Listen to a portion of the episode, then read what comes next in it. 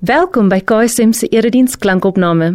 Nadat jy hierdie boodskap geluister het, sal ons dit regtig waardeer as jy die boodskap rate of in Afrikaans gestel beoordeel en deel met ander. Jou terugvoer help ander om saam met ons die Jesuslewe te ontdek, omdat Jesus alles verander. Hier is vandag se boodskap. Dankie Here Jesus dat ons 'n oomblik soos hierdie mag hê. Vir van ons is dit dalk al middag in ons lewe, dalk al aand, ander van ons is al vroeg wakker. En sit ons met 'n groot verwagting dat U ook op hierdie manier aan die woord sal kom in ons lewe. So dankie vir U woord. Here hierdie hierdie lewegewende boodskappe wat elke liewe keer vanuit die blaaie van van die Bybel na ons toe beweeg.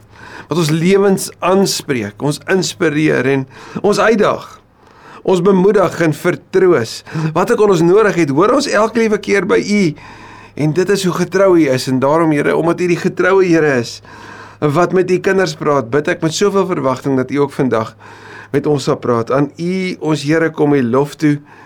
Ons bid dit in die naam van Jesus ons Here. Amen. Toe ons op skool was, was daar 'n gedig gewees wat wat net ek het dit 'n keer of twee keer of wat ge, gehoor of gelees en dit is een van daai's wat net dit net vasgehak. So die Engels sê dit stak. En en dit klink so. dit was 'n bitter dag vir my, die Sondag in die kerk, waar ons sit in die middelry word alles opgemerk. Die dominee hou skielik op. Die ouderling kyk om. Rooi laat sak my ma haar kop. Want almal lyk verstom. By die huis het ek 'n pak gekry. Was bitter swaar geweest. Maar ek moet erken dit was 'n lekker fluit gewees. Ek weet nie of jy hom kan onthou nie en dalk het ek 'n middelstuk dalk gemis, maar dis wat ek kan onthou. Wat ek wel kan onthou is vanuit die wêreld waarin ek groot geword het, was hierdie gedig eintlik so beskrywend geweest van hoe dit in die kerk van daai tyd was. Kinders is daar gesê was gesien en nie gehoor nie. Kinders moet sigbaar wees, maar kinders het nie 'n stem nie. Eintlik weet kinders niks. So bly stil. As jy die dag groot is, dan kan ons weer praat. Maar tot nou weet jy niks, jy het geen bydrae te lewer nie, jy het niks te sê nie. En dit was baie so nie in die wêreld van die Bybel. Kyk in die wêreld van die Bybel was kinders se lewensverwagting baie min geweest. So as 'n babatjie sou siek word, was die kans dat hy of sy sou sterf groot geweest.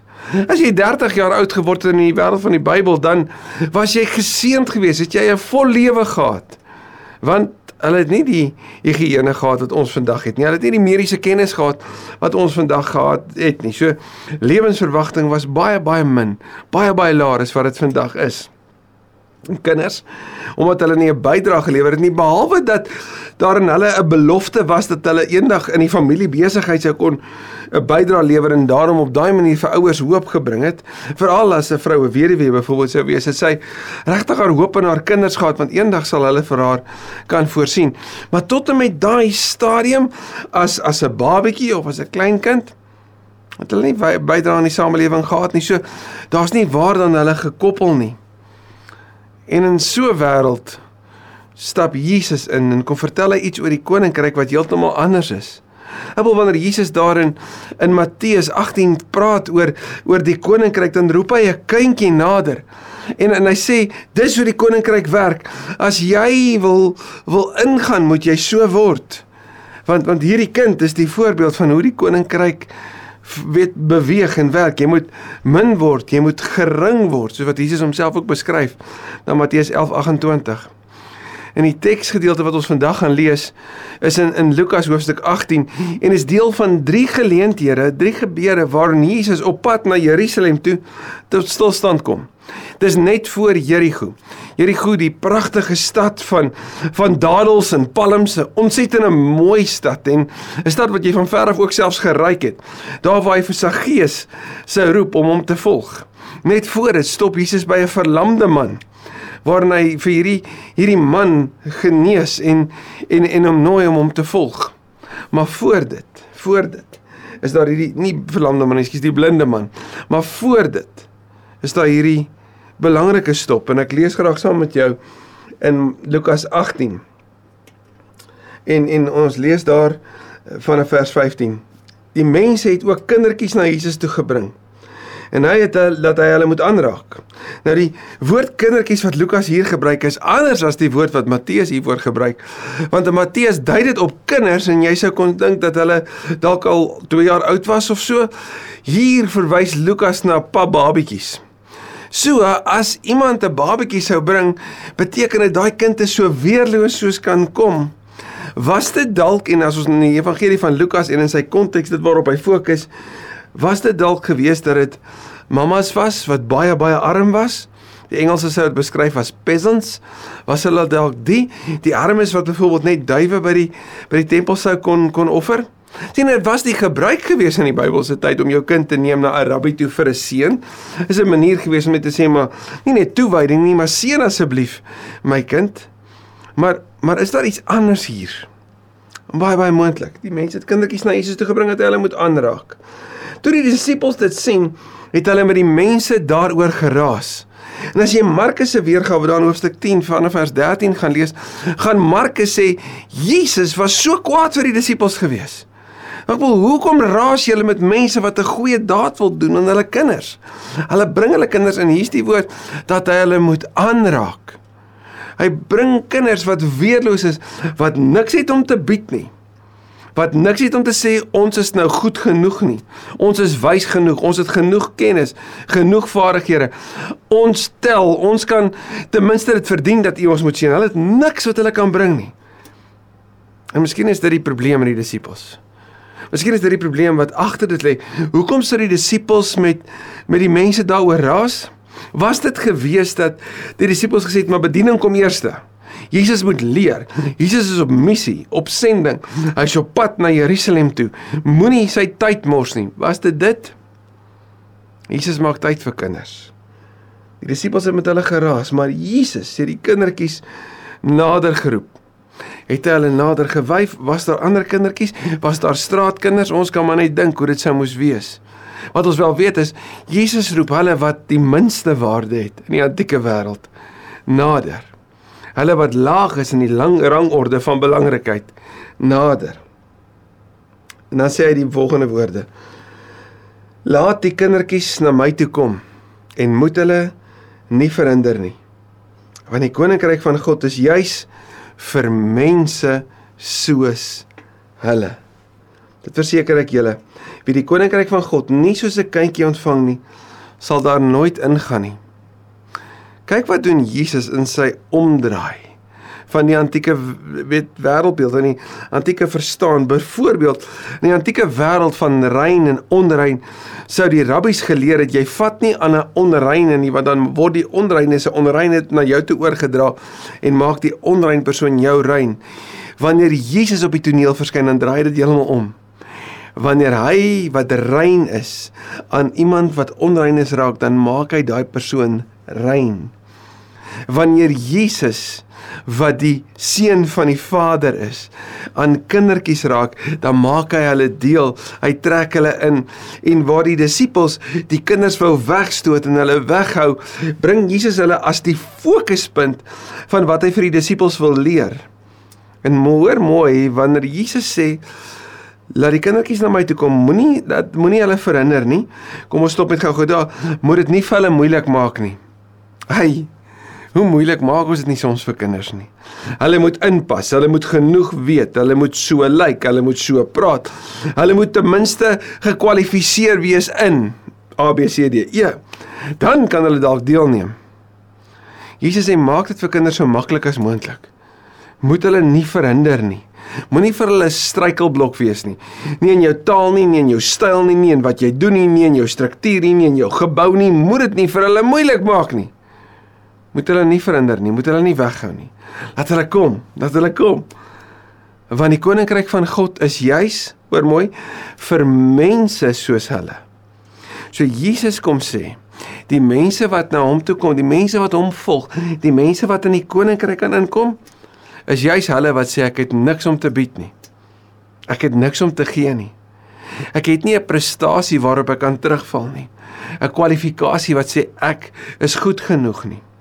Ek het nie 'n CV wat sê ek het ten minste genoeg Bybelskool of Bybelstudie of of uitreik of of vastyd of noem dit wat jy wil, genoeg gebid. Ek ek het nie genoeg nie. Sê Jesus juis. Dis juis vir hulle.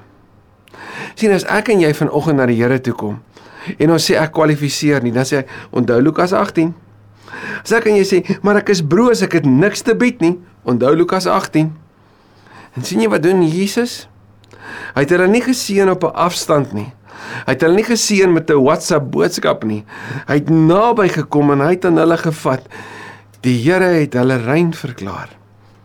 Die Here het hulle as deel van die familie verklaar. Daarom hanteer ons nie kinders aan die buitekant nie. En daarom doop ons kinders ver oggend. Ons wil vir kinders vandag sê, julle is welkom.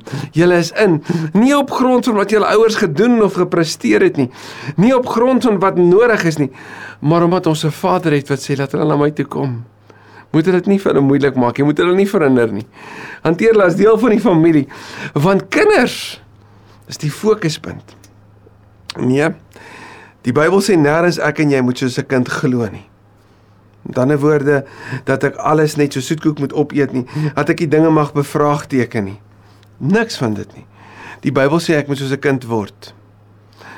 En daarmee ek moet my vertroue op myself, op my eie vermoëns of soos wat ek so dikwels hoor by 'n begrafnis. Hy was 'n goeie man, sy was 'n goeie mens. En ja, dis dis seker so. Maar maar ons kan nie vertrou op ons goedheid tot ons sê Here, ek is goed genoeg dat U my nou moet lief hê as amper asof teerprestasie nie. Net so kan ek ook nie sê Here, ek het geglo, daarom verdien ek om in te kom nie, want ek verdien niks. Wat ek kan doen is om te sê Here, ek wil soos 'n kind word, want dis wat Jesus sê. Moenie soos 'n kind glo nie, dis wat hy sê nie. As dan nêrens jy moet soos 'n kind glo as jy moet soos 'n kind word. Ek wil na U toe kom en kom verklaar ek het niks te bring nie sien die gedeelte wat hierdie voorafgaan is die gebed van die fariseer en die tollenaar. Die fariseer wat roem op sy dade, sy prestasies, op sy godsdienstigheid. En die tollenaar wat kom en sê Here, wees my sondaar genadig. Mag ek en jy daai gebed as kinders bid. Mag ek en jy opnuut kom besef ook in hierdie Kerstyd. Ek het niks om te bied nie, Here, behalwe my hart. Ek het niks om op te roem nie behalwe op U. En daarom kan ek kom want U sê kom. U sê kom. U sê kom. Kom ons bid saam. Here, vanoggend is daar of vandag dalk of vanaand waar dit ook al is in iemand se lewe, is daar 'n persoon mense dalk wat nodig het om te hoor die Here sê kom. Iemand wat sê maar ek is te vuil. U sê kom. Iemand wat sê ek's nie goed genoeg nie. Wie sê kom? Iemand wat sê ek ek is op die laaste plek in my lewe waarin ek moet oorkom. Wie sê kom? Dankie dat U ons op die donkerste, slegste plek in ons lewe kom optel en ons teen die bors kom vasdruk. Dat U soos daai Vader wat Lukas ons van vertel daar in hoofstuk 15, juis U kinders wat uit 'n varkhok opgestaan het en dit waag om huis toe te kom. Nie herinner aan sy of haar verlede nie, maar aan wie sin hulle is. Want hulle is kinders. Dat u vir die oudste seuns en dogters wat wat dink hulle is slawe en hulle moet werk vir verdienste weer herinner, maar jy's kind. En daarom hou ons partytjie, daarom hou ons fees, vier ons fees. Mag ons in hierdie tyd wanneer ons kinders sien met hulle blydskap oor geskenke of dit om 'n weet waar dit ook al is, wat 'n plek dit ook al is, kinders wat met glans oogies kyk met verwagting, mag ons daarin ook iets van onsself herontdek wanneer ons dink aan die grootste geskenk, die Christusfees se rede. Jesus gegee vir jou. Mag ons dit met ons hele wese ons eie maak. Mag ons opnuut ontdek dat U sê maar my liefde is vir jou. Al wat jy moet doen is om my hand te neem en in my te glo. Soos Paulus sou sê, wat jy moet doen is om te glo en te bely. Glo dat Jesus die Here is en bely dat God hom uit die dood uit opgewek het, dat hy leef. En dis genoeg. Dankie dat ons vandag net soos ons is kan kom. Ons eer U in Jesus se naam. Amen. Indien hierdie boodskap vir jou betekenisvol was, oorweeg dit om in te teken vir ons nuusbrief, waarin ons weekliks hulpbronne en opkomende gebeure by KSM deel, sodat ons saam die Jesuslewe kan ontdek. Besoek ksm.co.za en word deel.